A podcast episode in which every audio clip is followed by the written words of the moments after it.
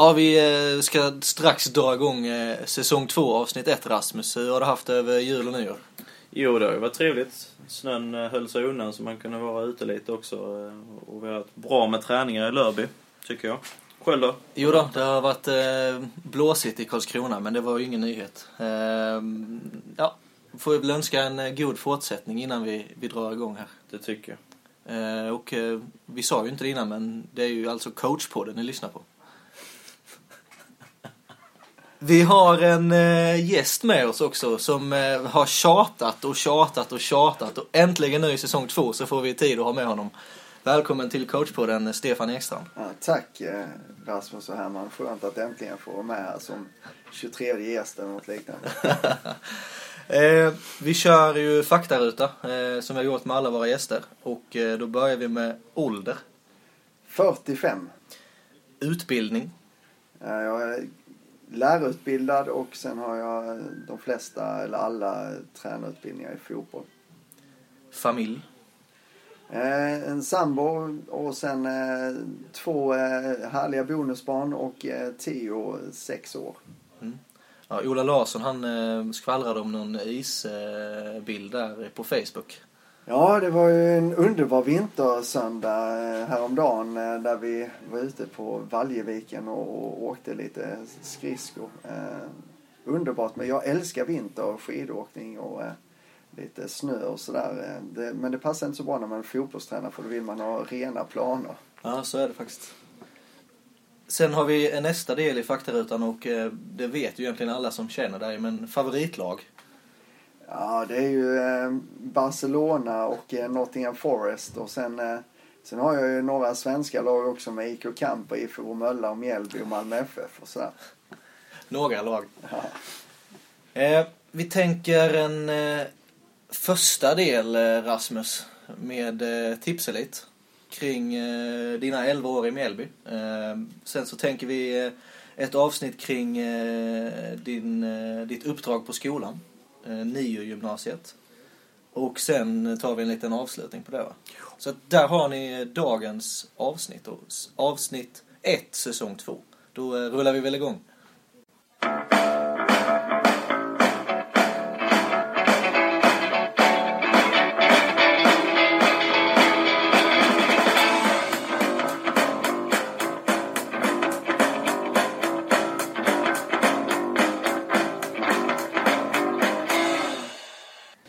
Yes, avsnitt 1, säsong 2 av coachpodden. Eh, jag och Herman har eh, bestämt oss för att köra en liten miniserie i eh, vår podd angående talangutveckling och hur man jobbar med det både i förbund och föreningar. Och även idag i skolverksamhet. Stefan Ekstrand, som vi nyss fick lära känna, ehm, tidigare ansvarig för Tipselit i Mjällby. Kan du berätta om tiden där under de 11 åren du var där? Ja, det var en fantastisk resa man fick vara med om. Jag anställdes eh, december 2014 och kom till eh, Mjällby som då precis hade gått upp i, i superettan. vi hade ett juniorlag med några hyggliga fotbollsspelare, tränade på en grusplan, eh, blåste och eh, förutsättningarna var ganska eh, svaga egentligen. Och vi kom sist eh, 2004 då i juniorasvenskan division 1. Um, ehm, och den resan då mot eh, mitt, mitt sista år i Mjällby i fjol när det har gått dåligt för A-laget med degradering från allsvenskan till, till eh, division 1 på två år. Men, men Tipselit sista år där 2014-2015 har varit fantastiska med massvis av eh, spelare på landslagsläger. Med, med final i U21 och Gothia Cup och fjärde, femte placeringar i juniorsvenskan eh, elit och vi har ett pojkarsvenskt elitlag. Så den utvecklingen från 2005 till 2015 eh, har varit fantastisk för, för Mjällby AIF och, och för mig då att vara med om det som eh, ansvarig. Bara lite kort, vad är Tipselit för någonting? Ja, det är ju Svenska fotbollsförbundet och deras talangsatsning då när man lägga in resurser från Svenska Spel för att eh, kunna heltidsanställa tränare och därmed göra bättre verksamhet för eh, 15 till 19-åringar i, i svensk fotboll. Det har ju varit en del diskussioner i Blekinge nu hur det blir när Mjällby spelar division 1. Är det någonting du kan eh, uttala dig om? Ja, det är ju, alltså man är kvar i Tipselit-projektet. Däremot eftersom Mjällby tappade sin elitstatus där nere i division 1 så kan vi inte nå de högre graderna eh, av ersättning utan eh, det blir ett lägre maxbelopp vi kan få. Allt bidrag baseras på en certifiering då när det kom ut eh, eh Thomas Lyth eh, från förbundet eller Svensk Elitfotboll granskar då vår verksamhet. Och eh, då får man ett visst antal stjärnor sen som övergår till pengar. Och vi har ju varit topp 10 i landet där när det gäller eh, utbildningsplaner, faciliteter, tränarutbildningar och hur vi har satsat på talangerna. Och vi har också fått eh, fyra stjärnor då vilket har renderat i x antal hundratusen kronor in i bidrag för satsning. Mm. Och där kan jag ju lägga till då att eh, många har undrat vad händer med elitfotbollsgymnasiet eh, när Mjällby har ramlat ner i division 1. Det är två skilda saker, eh, Mjällbys placering eh, i, i seriesystemet och elitfotbollsgymnasiet. Det finns ett avtal mellan Skolverket och Furulundsskolan att driva elitfotbollsgymnasiet i, i Sölvesborg eh, till och med intag 2019. Eh, och det finns ju många distrikt i landet som inte har något elitlag. Nu hoppas vi att Blekinge kommer att få ett elitlag i fotboll så snabbt som möjligt igen. Men eh, att eh, det finns intag i, på Furulundsskolan på eh, elitfotbollsgymnasiet minst till och med 2019. Och vi har fortsatt bra kvalitet på verksamheten här. Om vi återgår lite till eh, Mjällby och den tiden du hade där. Du, du vittnade ju om en resultatmässig eh, och kvalitets eller prestationsmässig eh, förbättring. Eh, vad var det ni förändrade under de eh, 11 åren? Egentligen så var vi några stycken eh, tränare där som funderade på hur, hur tränar vi fotboll på bästa sätt för att utveckla spelare. Och det ledde fram till att vi skapade en manual för hur vi ville spela fotboll. Eh, och det blev 4-2-3-1 i vårt fall. Där vi eh, framförallt arbetssättet var ju viktigt i, i försvarsspelet, vad som är viktigt att utbilda där för framtidens fotboll och i anfallsspelet. Eh, att vi ville vara spelförande och skapa målchanser av egen skicklighet och utbildade sen spelare i det. Och sen då träningssätt, att vi ville vara funktionella då på klubbträningen med, med spelövningar och verkligen sätta det i helhet och sammanhang. Eh, vi hade fysträning eh, där vi hade en röd tråd och kontinuitet och Magne Bergvall och, och sedermera lite Nanne och testlabbet att vi fick en tydlighet och röd tråd i, i många år kring fysträning. Och sen eh, många tränare och ledare som, som kunde jo, eh, jobba eh, många år och därmed få eh, kvalitet. Eh, så det är väl det som ledde det till, till framgångarna tror jag. Att vi byggde upp en bra utbildning. Mm. Hur har samarbetet sett ut med andra föreningar kring eh, Alltså det blir ju en känslig situation när man eh, på något sätt värvar spelare i 16-17 års ålder. Jo men där eh, tycker jag att samarbetet har varit bra med, med väldigt många klubbar. Att man, man ser att eh, har man en eller två väldigt bra spelare i en breddklubb så har de sett det som naturligt Eh, att släppa den spelaren till Mjällby för då får de den bästa utbildningen med, med bra instruktörer och de får möta andra bra spelare i pojkarsvenskan elit eller juniorsvenskan elit. Och i början var det mer känsligt och en del klubbar ville hålla dem hos sig själv. Men eh, sen blev det mer och mer naturligt och det går ju inte att konkurrera med att den utbildningen som de erbjuds på ett elitfotbollsgymnasium och i Mjällbys eh, tipselit, den, är ju överlägsen. Eh, och det tror jag att man ser. Och de här valda sanningarna att man eh, alla Mikael Nilsson kan ta sig från division 7 till allsvenskan på ett par år. Det, det, den sanningen eh, stämmer inte. Det är väldigt sällan som man gör det i dagens fotboll. Eh, det, det gick eh, på 80-90-talet men, men nu är det 2016 och du måste ha en bra utbildning. Det är bara något enstaka maskrosbarn som kan ta den vägen. Och de flesta förstår att man måste utbilda sig tydligare. Men jag tänker på andra hållet, nu pratar vi om att Mjällby värvar spelare. Hur fungerar det på andra hållet när det var spelare som kanske inte eh, skulle gå vidare i, i Tipselit-verksamheten eller gå upp i en A-trupp. Hur, hur stöttar ni de spelarna till att hitta andra föreningar? Ja, där hade vi ett samtal med spelaren och frågade vad han hade för intresse eller önskningar och sen så hade vi kontakter med klubbarna så att vi också kunde rekommendera dem till, till andra klubbar eller prata med andra klubbar. Och många gånger ringde ju klubbar och frågade vilken spelare kan bli över nästa år i, i Mjällby och vi är intresserade av de spelarna. Och då blir det en naturlig förflyttning till en division 2 och 3-klubb där. Mm. För jag tänker, man, man, diskuterar ju ofta, eller jag har nu i Halmstad diskuterat det här med elitpojklägret och, och flicklägret också för den delen. Att de spelarna som inte blir uttagna där, hur man fångar upp dem och då tycker jag det är intressant hur föreningarna jobbar. Att man inte bara slopar dem utan försöker hjälpa dem för man vill ju ändå att fotbollen ska vara för alla menar jag. Eh, och det är ju intressant då att Mjällby som ändå är en elitklubb väljer att liksom stötta de spelarna som kanske inte når ända upp till, till A-trupp. Så det är bra. En av eh, en viktig grej där har ju varit att vi vill ha ett avslutningssamtal med våra spelare när, när de vill avbryta sin satsning eller att, att Mjällby inte kan erbjuda tillräckligt mycket matchtid eh, för spelaren så har vi velat eh, ha ett avslutningssamtal där vi eh, stämmer av vad som har varit bra, vad som kunde varit bättre och, och vad de ser för framtid och vad vi kan hjälpa till med där så att man får ett bra avslut helt enkelt. Ja. Ni talar ju, eller har ju tidigare talat mycket om regionens lag. Ehm, och det, det, det ser man ju i, i Tipsrit-verksamheten också. Kan du eh, gå in lite mer på vad det innebär?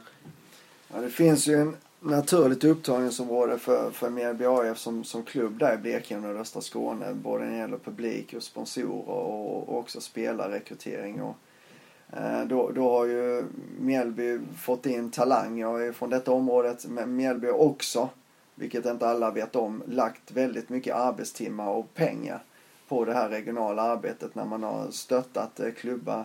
Någon gång åkt ut till klubbar för att ha stimulansträning. Eh, tagit in spelare för eh, regional tematräning.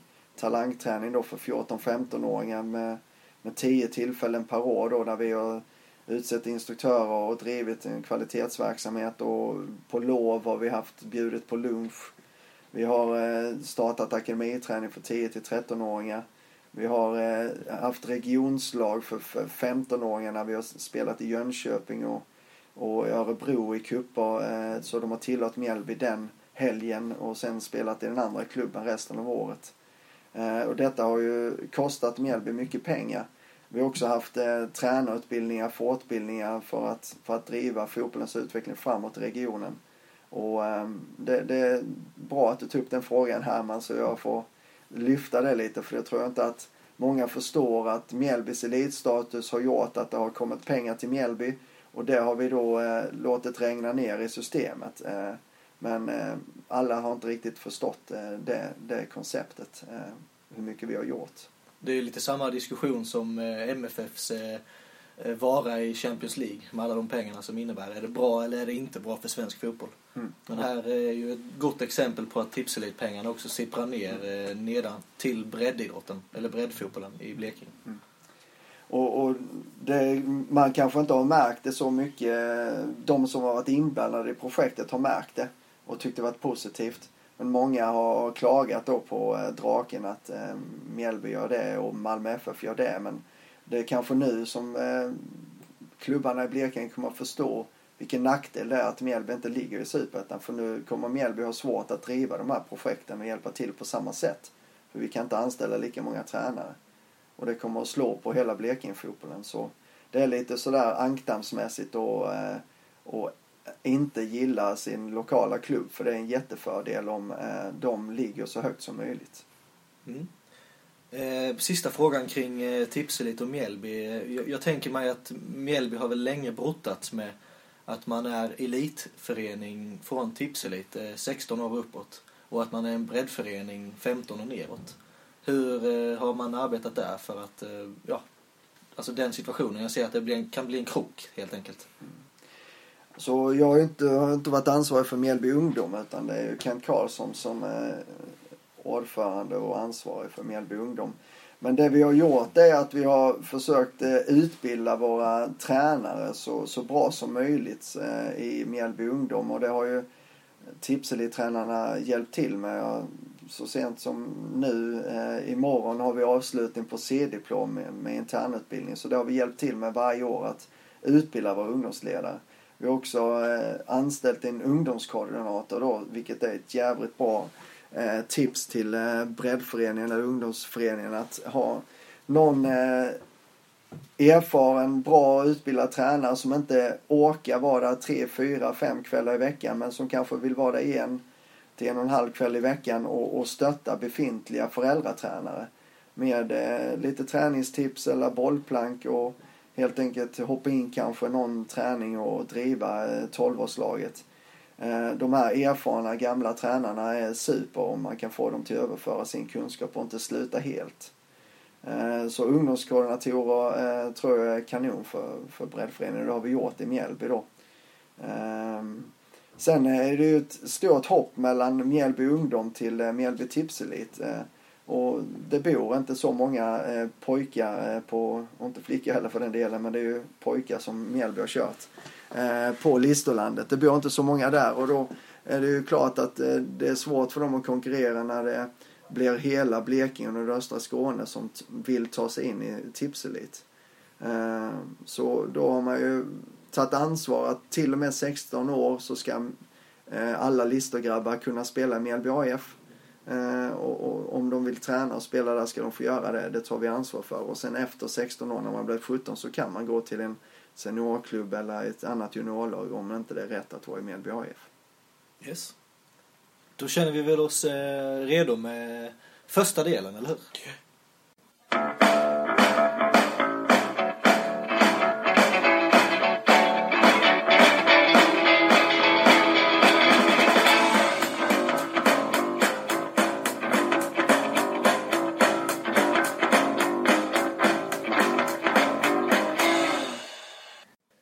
Vi finns på Twitter och på Facebook under samma namn, coachpodden. Gå gärna in och följ oss eller eh, gilla oss på Facebook och eh, vår hemsida heter coachpodden.se.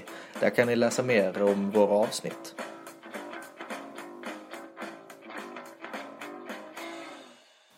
Ja, då är vi tillbaka efter gingen mitt i eh, avsnittet som, som vi har infört här. Och Stefan, vi, vi tänkte gå in lite på det här med NIU Eh, som du håller på med på Furulundsskolan i Sölvesborg. Eh, vi kan väl inleda med vad, vad betyder just NIU egentligen? Det är ju en nationell idrottsutbildning som finns eh, i hela Sverige och det är också många olika idrotter. Vi har valt att kalla det elitfotbollsgymnasiet för att det är en tydlighet mot vad vi har här i Sölvesborg. För vi har bara ett elitfotbollsgymnasium. Vi har inte nationell idrottsutbildning i, i basket, innebandy och simning utan vi har bara elitfotbollsgymnasium i Sölvesborg. Mm. Eh, vad, vad, innebär det då för till exempel regionen eller skolan att, att man har en ny utbildning? Eh, alltså om man tänker med, just ni har elitfotbollsgymnasium. Eh, vad innebär det samarbete med föreningar etc? Hur ser den strukturen ut? Alltså det innebär att eh, de 18 mest talangfulla spelarna, eh, både killar och eh, tjejer, får chansen att träna tre extra pass i veckan. Eh, ofta praktiskt men ibland teoretiskt. Det är ju en stor förmån som vi har i Sverige. Lite unikt. Det finns inte samma möjligheter i resten av fotbollsvärlden. Och det behöver vi hämta in lite träning för vi tränar kanske lite mindre och med mindre kvalitet när de är i andra åldrar då tidigare. Så Sen går det inte att träna mycket som helst heller så eh, det är ju lite Sveriges dilemma där med vårt koncept att eh, vi har jättestora möjligheter att träna när de är 16 till 19 och sen kanske vi hade behövt föra ner av den, lite av den kvalitetsträningen när de är 9 till 12 som är en otroligt viktig ålder. Så det är något jag funderar mycket på. Men eh, tillbaka till NIU och elitfotbollsgymnasiet så Eh, vill vi ju försöka samverka med de klubbarna. Många spelar ju med AIF såklart, av, av killarna. Och tjejerna är lite mer utspridda. Vi vill eh, samverka med klubbarna och ibland så är det att de klubbtränarna inte har haft eh, tid att komma eller sätta sig in i verksamheten och ibland är det att vi inte hinner. Men Vi har en ambition om att kalla till möte eh, regelbundet men det eh, vill vi bli bättre på också. Ja, det var lite det vi skulle komma in på också, just det hur samarbetet med föreningen kommer. Tränarna som finns i de föreningarna, hur insatta de är i er verksamhet. Och, eh, och det kom vi även in lite där med här man för ju mycket diskussioner eh, med en viss eh, på Twitter. Eh, hur, hur tänker man där med träningsmängd? Om vi säger att eh, som i Lörby nu på försäsongen så tränar man fem dagar i veckan eller har fyra träningar plus match. Och så tränar man tre gånger skolan. Hur, hur, hur väl eh, samarbetar ni med föreningar just med träningsmängd så att man får rätt stimulans för alla muskler och liknande? Om, om vi börjar där så tror jag det finns eh, stor eh, differens mellan eh, många klubbtränare vet vad vi gör här och har koll på när spelarna tränar och har koll på vad vi gör. Eh, det finns en, ett upplägg här eftersom eh, vi vet att klubbarna tränar en del fysiskt och har sin veckopulsering Eh, och, och träna mer funktionellt på kvällen med, med mer spelövningar. Så eh, får vi anpassa oss på elitfotbollsgymnasiet genom att köra mer låg medelintensiv träning och det blir mer eh, nötning av individuella färdigheter i teknik och speluppfattning. Vi, vi anpassar också säsongen så sätt att vi lägger den lugna perioden och teoriblocket i januari, februari, mars när det är som tyngst klubblagsträning. Samtidigt så kan den här eh, kommunikationen som jag redan har sagt bli bättre och eh, att, att man kan få ihop ett helhetssystem ännu tydligare. Det är en fördel för Mjällby som eh, i många år har haft samma instruktörer både på morgontid som kvällstid och det är lättare att hitta en bra dags och veckopulsering då. Eh, Eh, så vi försöker anpassa oss och vi försöker eh, få en eh, relation med, med klubbtränarna. De alltid är villiga, eh, välkomna att ringa och snacka och vi kommer också bjuda in, som vi har gjort tidigare, till en årlig minst träff. Mm. Om man fortsätter med samarbete om, med andra NIU-utbildningar och skolor, hur, hur, ser det ut? Diskuterar man mycket mellan olika skolor eller det, och tar, tar lärdom av varandra även genom olika idrotter eller hur ser det ut? Ja, vi har, ehm, när det gäller NIU fotboll så har vi eh, då eh, en träff eh, per termin. och Blekinge tillhör det södra distriktet där ofta är vi tillsammans med Skånes NIU då. Ibland är Småland, Halland också kallade. Så det finns utbildningar då och träffar när man har erfarenhetsutbyte en gång varje termin. Mm. Eh, så det är bara med fotbollen då, så du, man träffar aldrig nyutbildningar från andra idrotter så att säga? Nej, de impulserna får vi eh, skaffa oss på annat sätt. Jag tänker, eh, nu har vi ju gått igenom lite strukturen, men hur ser det ut för en spelare som blir antagen? Kan du gå igenom, ja men du har ju tre år framför dig med, med fotboll. Vad, vad får den spelaren med sig? Ja, alltså i årskurs 1 så är det en del eh, grundfärdigheter då som man eh, jobbar igenom. Eh, färdigheterna i anfallsspel, försvarsspel och, och eh, också kanske spelet eh, fotboll där, lite mer basfärdigheter. Och sen går det mer och mer mot, mot din position och individuell träning. Och om vi tittar på det, det fysiska då så är det ju allmän bas i årskurs 1 och sen Eh, I årskurs 3 så gör de individuella utvecklingsplan i fys och får, får egentligen planera, genomföra och utvärdera sin egen fysträning då i ett eh, eh webbaserat eh, program då eh, som heter Sideline. Och likadant den individuella träningen stegras där eh, när de gör sina individuella utvecklingsplaner i årskurs 2 eh, och 3 då. Och i årskurs 1 så har de bara att de väljer ett område de vill eh, förbättra sig inom och sen är vi där instruktörer och hjälper dem en halvtimme i veckan med det de har valt. En forward kanske väljer avslut och en innermittfältare väljer passningsspel till exempel. Mm. Hur ser eh, processen, eh, ja man söker ju skolan som vilken utbildning som helst, men hur ser processen ut sen när du har sökt för att ta dig in på utbildningen som spelare eller som elev då? Ja, det är den vi håller på med i dagsläget här. Eh, första december söker man eh, och sen så har vi vi har en prövad på-dag på hösten och sen har vi en uttagningsdag den 14 januari. Men det är inte där det avgörs om man skjuter krysset den dagen eller inte utan det, det är mycket vad de har visat innan, vad deras klubblagstränare, vad Blekinge fotbollsförbund, Skånes fotbollsförbund säger, eh, meriter och så vidare och vad de visar för karaktär och vi har en intervju den här uttagningsdagen också så att den processen är vi i full gång med och eh, just idag så ska vi skicka besked till eh, våra sökande detta året som ska starta i höst. Och det är väldigt tufft. 60 sökande och vi har 18 utbildningsplatser som man gör 40 stycken besvikna eh, i veckan. Och, det är ju bland de tyngsta och tråkigaste med mitt och vårt jobb här på Elitfotbollsgymnasiet. Alltså jag tänker de 18 som eh, blir uttagna, har de, vad är det de har som gör att de blir uttagna? Alltså kriterierna från eh, Skolverket Skolverket är störst chans att nå nationell elit eller också störst chans att tillgodogöra sig utbildningen. Så man måste såklart vara eh, duktig i fotboll men, men det är också att det, det syns att de, de brinner för det och har en vilja att utvecklas och träna hårt under tre år. Och det ser vi också på de som har gått här, som har haft bäst utveckling. Det är de som kommer varje morgon och stämpla in och vill eh, göra sitt bästa för att eh, utvecklas. Eh, och de som gör det tre år får en eh, fantastisk utveckling. Och någon gång har man stannat upp, man hinner inte alltid det, men stannat upp och tittat på, på utvecklingen på en del spelare. Om man tar det fysiska till exempel så är det en fantastisk utveckling när de kommer hit som pojkar och flickor och sen tre år senare så, så är de eh, män, damer och kanske har förbättrat sig 100% i många fysiska områden och också fotbollsmässigt såklart. Mm. Jag tänker, det kan ju vara väldigt subjektivt eh, att avgöra en fotbollskvalitet. Följer ni något typ av schema eller vad? Alltså, ja men eh, passning eh, fem av tio.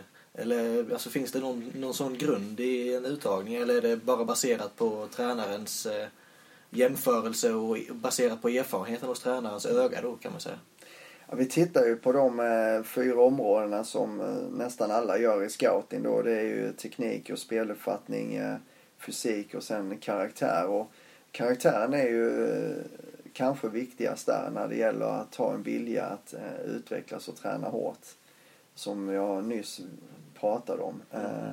Så det, det försöker man ju eh, titta på noga där och, och eh, intervjuerna och hur de, de spelar, om de brinner för det eller och vad, vad tränare som jobbar med dem i vardagen säger då. För det är ju väldigt avgörande. Sen gäller det att kunna titta bakom hörnet där vad, vad, vad kommer hända med denna spelaren. Vi, vi tror ju att man måste ha någon spetskvalitet för att man ska ta sig hela vägen. Någonting som gör dig unik. Det är svårt att vara jämnbra i alla områden och, och bli elitspelare.